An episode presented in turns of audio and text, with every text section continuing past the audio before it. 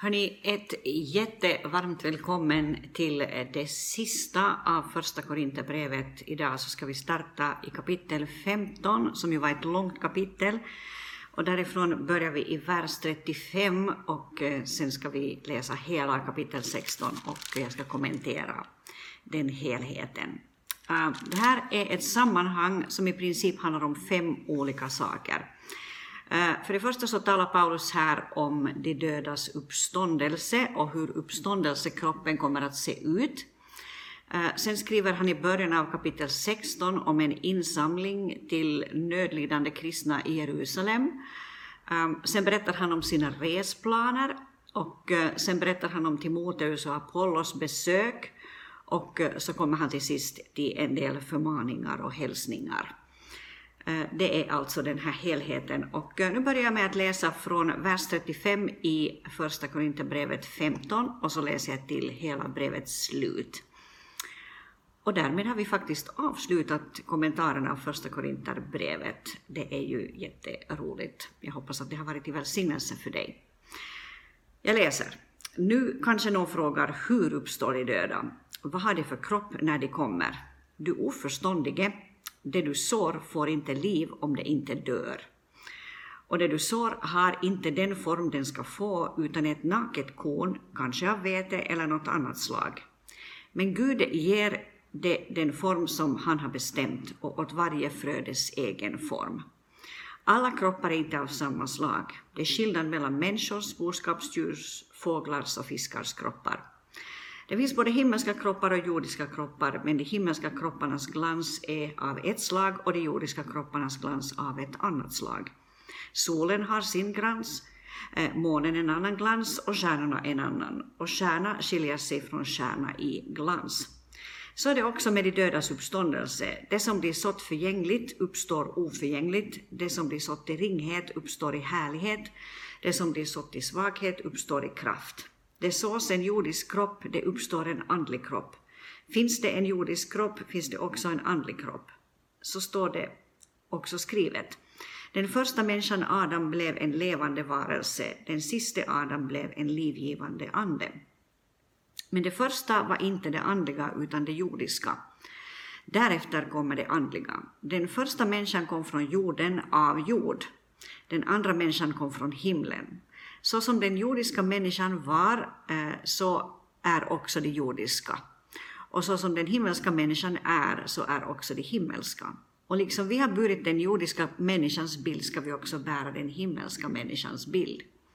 Men det säger jag bröder, kött och blod kan inte ärva Guds rike och det, oför, förlåt, och det förgängliga kan inte ärva det oförgängliga. Se, jag säger er en hemlighet, vi ska inte alla insomna, men vi ska alla förvandlas i ett nu, på ett ögonblick, vid den sista basunens ljud. Basunen ska ljuda och de döda ska uppstå odödliga och vi ska förvandlas. Detta förgängliga måste kläs i oförgänglighet och detta dödliga kläs i odödlighet. Men när det förgängliga är klätt i oförgänglighet och det dödliga klätts i odödlighet, då uppfylls det ord som står skrivet. Döden är uppslukad i seger, du död, var är din seger, du död, var är din udd? Dödens udd är synden och syndens makt kommer av lagen. Men Gud vare tack som ger oss segern genom vår Herre Jesus Kristus. Stå därför fasta och orubbliga, mina älskade bröder, och arbeta alltid hängivet för Herren. Ni vet ju att er möda i Herren är inte förgäves. När det gäller insamlingen till de heliga ska ni göra som jag har föreskrivit församlingarna i Galatien. På första veckodagen ska var och en av er hemma lägga undan och samla vad han lyckas få ihop så att insamlingarna inte görs först vid min ankomst. När jag kommer ska jag skicka dem ni finner lämpliga försedda med brev till Jerusalem för att överlämna er gåva. Finns det skäl för mig att resa kommer de att resa tillsammans med mig. Jag tänker komma till er när jag har rest genom Makedonien, för jag tar vägen genom Makedonien. Men hos er stannar jag en tid om det går, kanske hela vintern, så att ni får utrusta mig för fortsatt färd, vart det nu blir. Jag vill inte besöka er nu på genomresa, för jag hoppas kunna stanna hos er en tid om Herren tillåter. I Efesos stannar jag till pingst, Eh, för en dörr står öppen för mig till ett stort och omfattande arbete och motståndarna är många. När Timoteus kommer, se då till att han kan vara hos er utan oro, för han arbetar med Herrens verk precis som jag. Därför får ingen se ner på honom, hjälp honom iväg i frid så att han kan komma till mig. Jag och bröderna väntar på honom. När det gäller vår broder Apollos har jag ivrigt uppmanat honom att resa till er tillsammans med bröderna. Men han ville inte alls åka nu utan resa när han får tillfälle. Vaka, stå fasta i tron, var modiga och starka. Låt allt hos er ske i kärlek. Jag ber er bröder, ni vet ju att Stefanas familj är Akajas förstlingsfrukt och att de har ställt sig till de heligas tjänst. Rätta är därför efter sådana människor och alla andra som är med och arbetar och kämpar. Jag är glad att Stefanas, Tunatus och Akaikus har kommit. De har fyllt tomrummet efter er och upplivat både min och er ande. Sådana som det ska ni uppskatta. Församlingarna i Asien hälsar till er. Aquila och Priska och församlingen i deras hus hälsar hjärtligt till er i Herren. Alla bröderna hälsar till er. Hälsa varandra med en helig kyss. Denna hälsning skriver jag, Paulus, med egen hand. Om någon inte älskar Herren ska han vara under förbannelse. Maranata, Herren Jesu nåd vare med er. Min kärlek är med er alla i Kristus Jesus. Om vi bara säger något kort om det här slutet här så är det ju uppenbart igen att Paulus verkligen älskar den här församlingen trots allt som han har Mm, hur ska vi säga, trots allt det han har sagt när han har försökt korrigera deras beteende och deras praxis vad gäller församlingsliv, så finns det en genomgripande kärlek till dem i hans liv. Min kärlek är med er alla i Kristus Jesus, säger han. Eh, och ehm, han eh, säger också så här att de ska hälsa varandra med en helig kyss. Eh, det här är ju någonting som var typiskt. Eh, Kindkyssen var en vanlig hälsningsform i Medelhavsområdet. Eh, du kan läsa om det till exempel i Lukas 7 och 45 och i eh, Lukas 22 och 47. Eh, där nämns det här eh, med kyssen också. Och det var ett helt vanligt sätt att, mm, att använda när man hälsade på varandra. Eh, men nu går jag tillbaka till början av det här sammanhanget som jag läste, det vill säga till kapitel 15 och vers 35, 35 där Paulus då talar om hur de döda uppstår, eller frågan hur uppstår de döda? Vilken typ av kropp har, vid, har vi vid uppståndelsen? Och hans tanke som han för fram här är denna att döden är som en sådd Eh, och eh, Johannes 12 och 24 beskriver den här sådden, egentligen det är Jesus som säger där så här, att ehm, jag säger er sanningen, om vetekornet inte faller i jorden och dör, förblir det ett ensamt korn, men om det dör bär det rik frukt. Så den bild som Paulus använder här, det är att den mänskliga kroppen är som ett frö som läggs ner i jorden. Och det som sen kommer upp vid uppståndelsen är någonting som är betydligt mera än det frö som har lagts ner. Han säger så här att eh, det du sår har inte den form det ska få utan är ett naket korn, kanske av vete eller något annat slag. Och så säger han, men Gud ger det den form som han har bestämt åt varje frödes egen form. Och, och, att det här kommer att variera och han använder olika bilder, olika eh, vad ska vi säga, olika typer av kroppar som finns. Eh, människors, boskapsdjurs, fåglars och fiskars kroppar.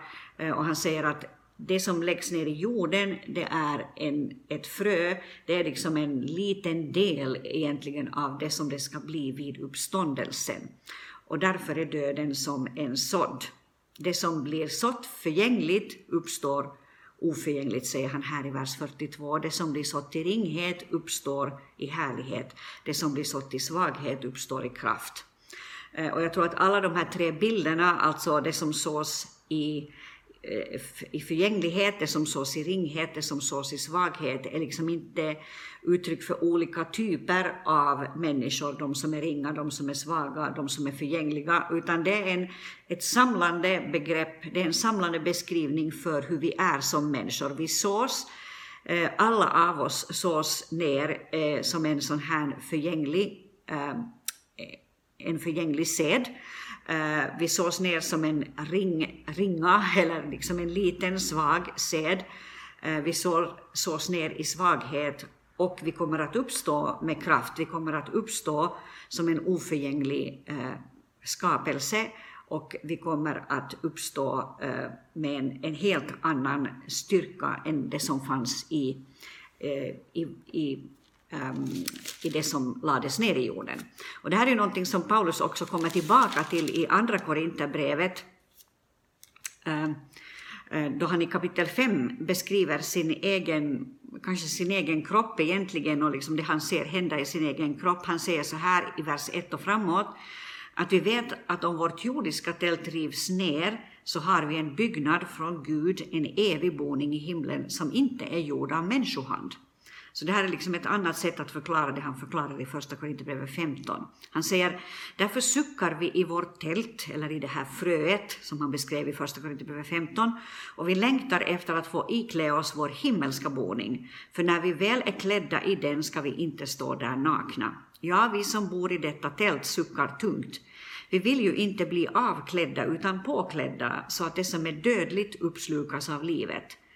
Och den som berättar oss för just detta är Gud som har gett oss anden som en garant. Så anden och alla erfarenheter med den helige ande, all vår vandring med den helige ande är som en garant, en garanti för det som ska komma, en bild för det som ska komma egentligen.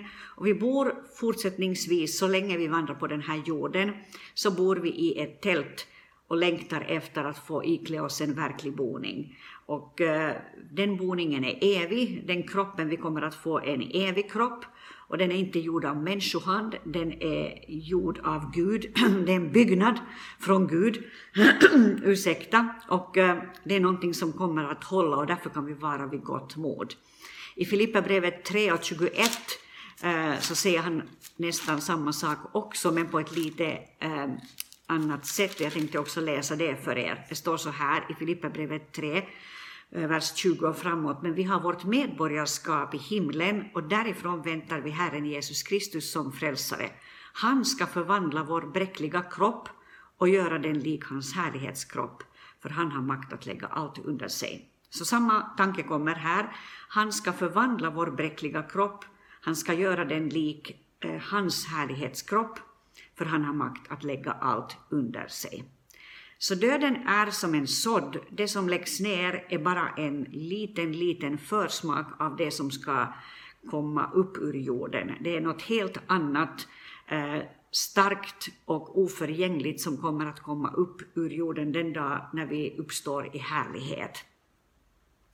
Och samtidigt eh, tror jag att vi kan säga så här att det vi kommer att uppstå med, den kropp vi kommer att uppstå med, om vi läser Matteus 17 och 3, som jag har varit inne på tidigare en gång, eh, så samtidigt så kommer vi att vara igenkänneliga i himlen. Vi kommer inte att vara sådana märkliga himmelska varelser tydligen, eh, som ingen kan känna igen, liksom att jag har ingen aning om vem den här människan är som står framför mig, utan i Matteus 17 och 3 så läser vi den här berättelsen om hur Jesus tar med sig sina, några av sina lärjungar på förklaringsberget, och så står det så här Eh, och jag ska läsa vad som händer där. Eh, då förvandlades, nu är jag i vers 2, då förvandlades han inför dem, hans ansikte lyste som solen och hans kläder blev vita som ljuset. Och Mose och Elia visade sig för dem och samtalade med honom. Petrus sa till Jesus, Herre, det är gott för oss att vara här. Och så vidare. Så det är helt uppenbart att eh, Petrus kunde känna igen Mose och Elia eftersom det här är liksom berättelsen som de har framfört efteråt och som kom med i Matteus evangelium. Eh, de kände igen Mose och Elia och det betyder att eh, vi kommer att vara igenkänneliga den dag vi möter varandra i himmelen. Eh, det kommer att vara en härlighetskropp som är långt mycket mer än den kropp vi har idag, oavsett hur bra vi än tycker att den är i funktion ännu idag.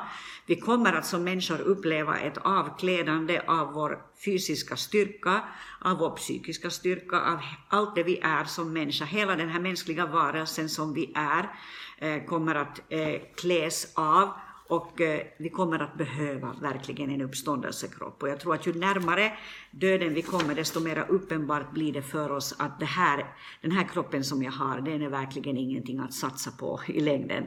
Eh, den är en, en svag bild av det som ska komma en dag. Och eh, så är, är Paulus noga med att beskriva här att, att eh, Eh, vi kan inte ärva Guds rike i den um, ofullkomliga form vi är nu. Han säger så här i vers 50 att kött och blod kan inte ärva Guds rike och det förgängliga kan inte ärva det oförgängliga. Så vi kan helt enkelt inte ärva det vi ska ärva i himmelen, alltså den kropp och, och den härlighet, med, den, med det utgångsläge som vi har här och nu. Alltså, Guds rike kan inte ärvas i den ofullkomliga form vi har nu. I Johannes 3 och 5 eh, så finns något som, som tangerar detta. Det är Jesus som samtalar med Nikodemus. Eh, och det är ju i Johannes evangeliet som du hittar eh, det här starka ordet som Jesus säger att så älskade Gud världen att han gav den sin enda son för att var och en som tror på honom inte ska gå under utan ha ett evigt liv. Och det är ju det här eviga livet som vi talar om här nu.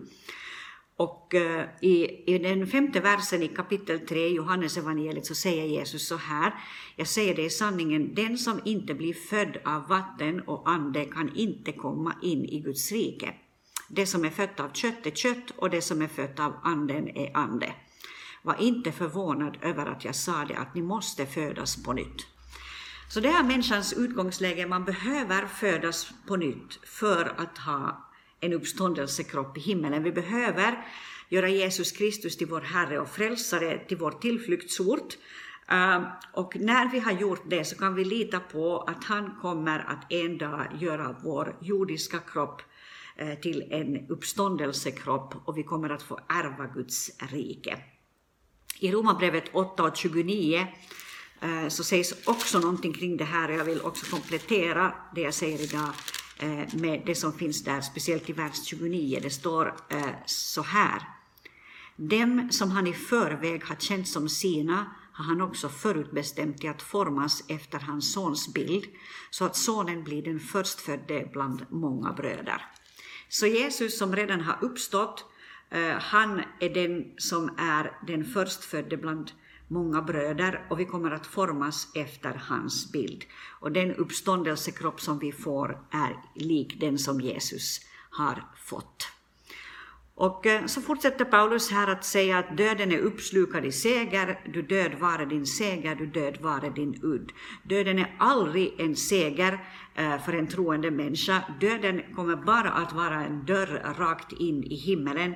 Döden kommer att vara en, en stark upplevelse av att wow, mitt liv fortsätter som ett evigt liv. Gud vare tack som ger oss segern genom vår Herre Jesus Kristus, säger, säger Paulus. Och han fortsätter att stå därför fasta och orubbliga och arbeta alltid hängivet för Herren. Alltså eftersom det här är faktum att livet är evigt och ni kommer att gå in i evigheten en dag, så stå därför fasta och orubbliga, arbeta hängivet. Ni vet ju att er möda i Herren inte är förgäves. Och då kommer vi till kapitel 16, eh, där han börjar med att tala om en insamling till de heliga i, i uh, Jerusalem. Uh, och uh, han har föreskrivit församlingarna i Galatien att göra den här insamlingen, och han ger en bra princip här som jag vill att du noterar. Han säger så här, att på första veckodagen ska var och en av er hemma lägga undan och samla vad han lyckas få ihop. Alltså första veckodagen, eh, det är alltså söndagen, eh, den främsta gudstjänstdagen eh, då församlingen börjar samlas efter Jesu uppståndelse. Jag sa här tidigare, tror jag någon gång, att, att det fanns liksom en sån här dubbelhet i det här att, att man också höll kvar eftersom många av församlingarna var judiska, man höll kvar den judiska sabbaten och det var inget fel i det, utan, utan det var liksom en naturlig eh, länk och, och, det är helt naturligt skulle jag säga också idag om du vill fira sabbat på fredag kväll eh, så är det att rekommendera verkligen att ta en vilodag. Eh, huvudsaken är att du tar en vilodag definitivt. Eh, om den inte börjar på fredag kväll så, så i så fall ska den börja på lördag kväll så att du får en ordentlig vilodag i och med söndagen. Och, och på den första veckodagen, säger Paulus här, ska var och en lämna Eh, förlåt, lägga undan och samla vad han har lyckats få ihop så att insamlingarna inte görs först vid min ankomst. Och det är en bra sak att man varje dag, eller förlåt, varje vecka här då enligt Paulus lär sig lägga undan det man har tänkt bidra med till den här insamlingen. Och och vi kan komma ihåg det som Paulus, eh, förlåt, det som är praxis i urförsamlingen. Eh, I Apostlagärningarna 2 så, be, så berättas det ju om att man sålde sina egendomar och ägodelar och delade ut till alla efter vars och ens behov. Det hittar du i vers 45. Eh, och här fortsätter den här praxisen, man lägger undan varje vecka en summa för att kunna ge till de heliga som lider i Jerusalem. Det var tanken här. Eh, och de här pengarna ska skickas på ett förtroendeingivande sätt till dem, det försäkrar Paulus om här. Och så beskriver han sina resplaner, vart han är på väg. Eh, han ska ta vägen över Makedonien och han ska stanna sen hos dem i Korint en tid, kanske hela vintern, för att de ska kunna utrusta honom eh, för den resa han ska göra. Och han säger sen vart det nu sen blir, och det är ju precis det som är den kristnes Eh, eller borde vara den kristna människans attityd att nu är jag här, men Herren kallar, kallar mig kanske vidare imorgon till nästa ort och jag är redo att gå. Eh, tyvärr har det nog blivit så att ganska många kristna är ganska fastnade i den ort eller på den ort där de finns och livet handlar sist och slutligen ganska lite om att följa Jesus och att vara redo att gå när han säger gå. Eh, vi är ganska bra på att bygga hus och göra allt vi kan för att liksom rotas och grundas på den ort där vi är och har inte alltid en så stor villighet att gå vidare. Men Paulus säger här att, eh, eh, att han är liksom redo att fara iväg vart det nu sen blir. Och sen säger han en intressant sak om Efesos, han ska stanna där till pingst, en dörr står öppen för honom där, nämligen eh, en, dörr till ett stort och omfattande arbete och motståndarna är många. Så det fruktar han inte, eh, inte alls, utan det kanske stimulerar honom tvärtom och det tycker jag också bara fantastiskt. All right. Sen berättar han om Timoteus och Apollos besök eh, och han vill försäkra sig om att Timoteus kan komma dit och bli väl omhändertagen han, han understryker att Timoteus arbetar för Herrens verk precis som han själv och ingen får se ner på honom. Och till Timoteus själv så säger han ju också att låt ingen se ner på dig för att du är ung utan var en förebild för de troende på alla sätt. Uh, och sen avslutar han brevet med förmaningar och med hälsningar. Han säger vaka, stå fasta i tron, var modiga, var starka, låt allt hos er ske i kärlek. Och eh, han understryker det här som har kommit liksom insått eller insprängt i det här brevet gång efter annan. Låt allt ske i kärlek, älska varandra, eh, ta emot varandra och se på varandra med respekt. Och så säger han att församlingarna i Asien hälsar till dem. Eh, han nämner Aquila och Priska och församlingen som samlas i deras hus, alltså husförsamlingar. Eh, och det är ju en fantastisk Ehm, påminnelse om att eh, när vi lär oss att ge våra hem till Herren, vilket inte alls är en självklarhet i vår tid att kristna ger sina hem till Herren, när vi ger våra hem till Herren så kan de bli platser för en oerhörd välsignelse. Och i den här tiden, också den här coronatiden, när vi inte riktigt vet hur saker och ting utvecklas och hur det kommer att se ut när det gäller möjligheter att samlas, så skulle jag vilja påminna dig ännu en gång om att helga ditt hem till Herren och jag vill säga detsamma till mig själv och min egen familj. Låt oss helga vårt hem till Herren så att våra hem kan bli platser där troende kan samlas. Och eh, så slutar han med det här arameiska böneropet Maranata som betyder Vår Herre kom eller du vår Herre kom. Eh, och eh, det är det han vill liksom på något sätt ge som en sluthälsning till dem. Han säger att han skriver med egen hand här och så, så, så, så understryker han att han längtar efter att Jesus ska komma tillbaka och att Jesus ska ta honom hem. Och så säger han, min kärlek är med er alla i Kristus Jesus. Kärleken kommer från Kristus Jesus, kärleken är inspirerad av Jesus Kristus och det är en kärlek vi tar därifrån och ger vidare på grund av vad vi har hittat i Jesus Kristus och på grund av vad han har gjort av oss.